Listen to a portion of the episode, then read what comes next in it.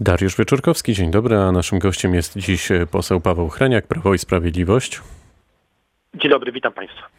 Panie pośle, e, czy zaskoczyło Pana dzisiejsze oświadczenie prezydenta Andrzeja Dudy? Z jednej strony w ogóle sama zapowiedź w porannych godzinach tego, że Pan prezydent ma wystąpić, a drugie od razu pytanie, treść tego wystąpienia.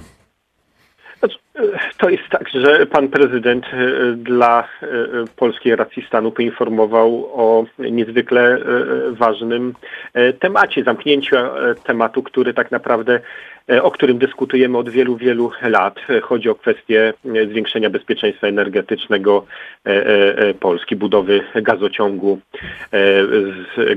przez który będzie płynął gaz z Norwegii i gaz z północnej, e, e, północnych obszarów e, Europy, z Morza Północnego. Ja myślę, że to jest bardzo ważna i istotna informacja. Myślę, że wszyscy powinniśmy być zadowoleni, że pewne starania, które trwały od wielu, wielu lat, kończą się, tak jak gazoport w Świnoujściu, dzisiaj gazo ciąg e, e, z Norwegii. Myślę, że to są bardzo ważne e, informacje, które wszystkich Polaków powinny zadowolić, bo w ten sposób uniezależniamy się od dostaw energii z Rosji, a z Rosją no, jest, no, jak każdy widzi, więc bywa ja różnie. Myślę, jest, Powiem dyplomatycznie, bywa, bywa różnie. To jest dobra informacja. Panie pośle, a czy nie zaskoczyło pana to, że prezydent Andrzej Duda, tak jak to wieścili mm, publicyści z różnych e, stron, e, ale też politycy, jeszcze chwilę przed wystąpieniem prezydenta Andrzeja Dudy, że prezydent nie odniósł się w żaden sposób co do mm, terminu wyborów e, głowy państwa? Myślę, że to wynika z tego, że bardzo wiele zależy od tego, co się wydarzy mm, mm, w Sejmie e, w najbliższą e, środę, kiedy e, wróci projekt ustawy procedowany przez Sejm z Senatu. Wtedy będzie głosowanie, więc tak naprawdę trudno jest tutaj coś więcej dodać. Myślę, że. To zapytam pana wprost. Tym, zapytam pana tak. wprost. Kiedy Polacy w takim razie wybiorą głowę państwa? No, cały czas obowiązującym terminem jest 10 e, maja, choć e, wiemy, że e, są również brane pod uwagę i mm, w tym projekcie ustawy jest to zapisane. Również termin 17 23 maja, gdzie marszałek Sejmu może ten termin e, przesunąć, ale e, nie bardziej, bo to znowu wynika z konstytucji, gdzie musimy wybrać głowę państwa pomiędzy 75 a setnym rokiem, e, dniem, dniem przed zakończeniem kadencji. Więc tak naprawdę no, w, środę, w środę będziemy wiedzieli w jakiej formie i być może również e, kiedy e, będziemy mieli wybory. No, obowiązujący termin, jeszcze raz to powtórzę, e, na dzień dzisiejszy to jest 10 maja. Szef kancelarii premiera, czyli Michał Dworczyk, dosłownie przed chwilą powiedział, że tu cytat jest bardzo prawdopodobne, że na 10 maja tych wyborów nie będziemy mogli przygotować się ze względu na napięcie polityczne. Koniec cytatu.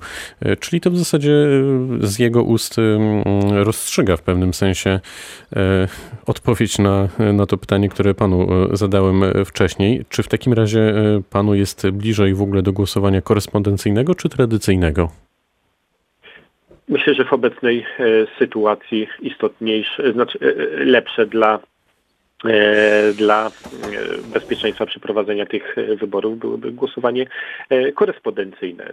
Myślę, że to jest oczywiste, że wtedy możliwość ewentualnego narażenia się na na zarażenie jest dużo mniejsze niż w wyborach zwykłych, w lokalach wyborczych. Choć E, na przykład doświadczenie z Korei Południowej, gdzie dwa tygodnie temu zakończyły się e, wybory z rekordową e, frekwencją. Zakończyły się tym i podają to agencje z Korei Południowej, również agencje e, e, światowe. E, zakończyło się to tym, że nikt tak naprawdę po tych wyborach nie, nie zachorował. Więc i wybory w takim tradycyjnej formule można przygotować w sposób bezpieczny. Ale przyznam szczerze, że bliżej mi mimo wszystko do wyborów korespondencyjnych. A czy to nie jest trochę tak, że politycy wzajemnie się zakiwali i teraz jest problem? Problem z tym, w jakiej formie te wybory mają się odbyć, kiedy one mają się odbyć? Jak pan sądzi teraz z perspektywy czasu? Jak pan na to patrzy? Myślę, że sytuacja jest e, niezwykle trudna. Wynika to e, z tego, że mm, wielu osobom, ale mówię o skali e, również światowej, europejskiej, zabrakło wyobraźni, jak pewne procesy mogą przebiegać. Nikt sobie nie wyobrażał ogólnoświatowej pandemii w takim wydaniu, jak ją mamy dziś.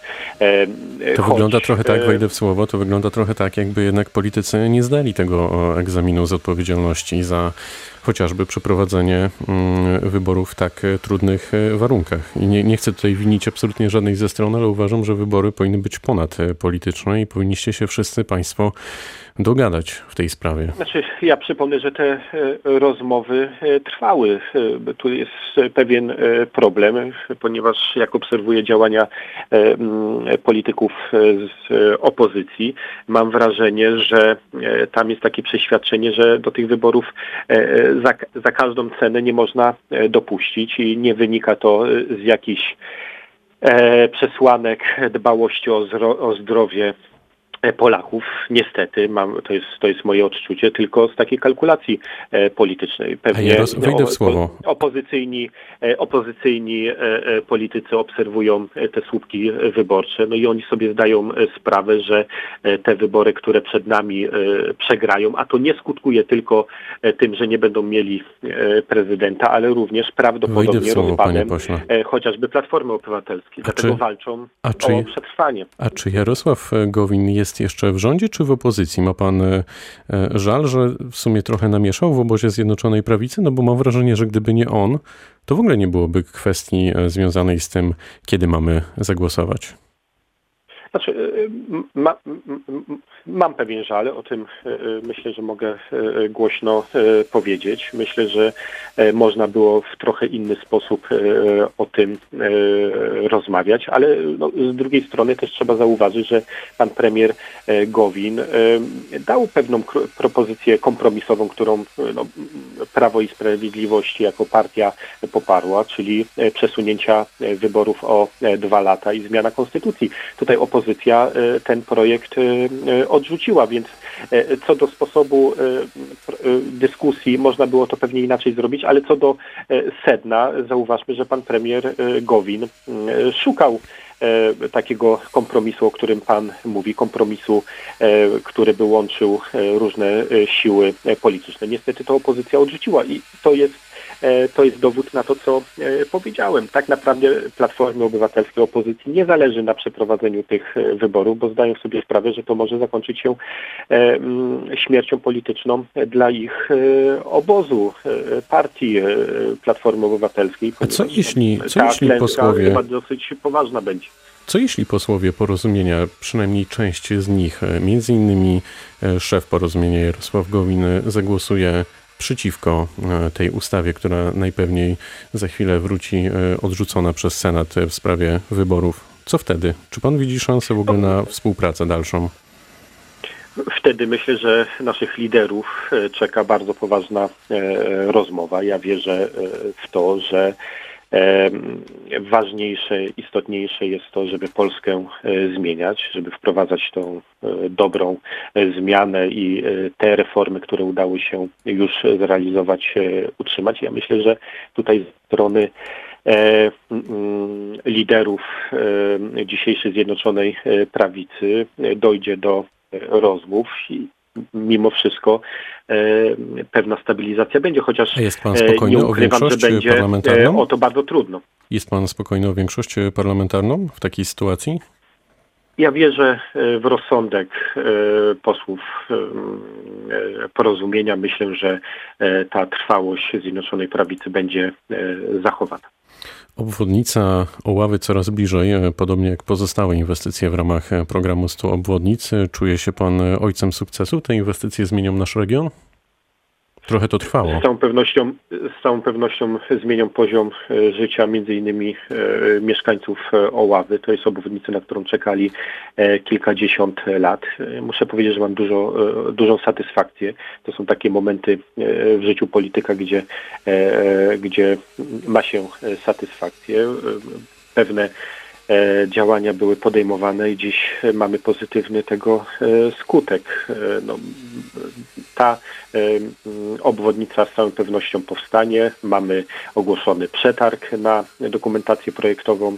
Ta dokumentacja projektowa będzie na początku 2024 i rozpoczynamy e, budowę. I to są bardzo dobre e, informacje i mm, no, po to między innymi idzie się do e, polityki, żeby e, tego typu e, rzeczy realizować, realizować te mm, rzeczy, które dotykają bezpośrednio jakości życia mieszkańców, w tym wypadku Oławy. Muszę powiedzieć, że jeszcze raz to powtórzę, duża satysfakcja z tego faktu jest.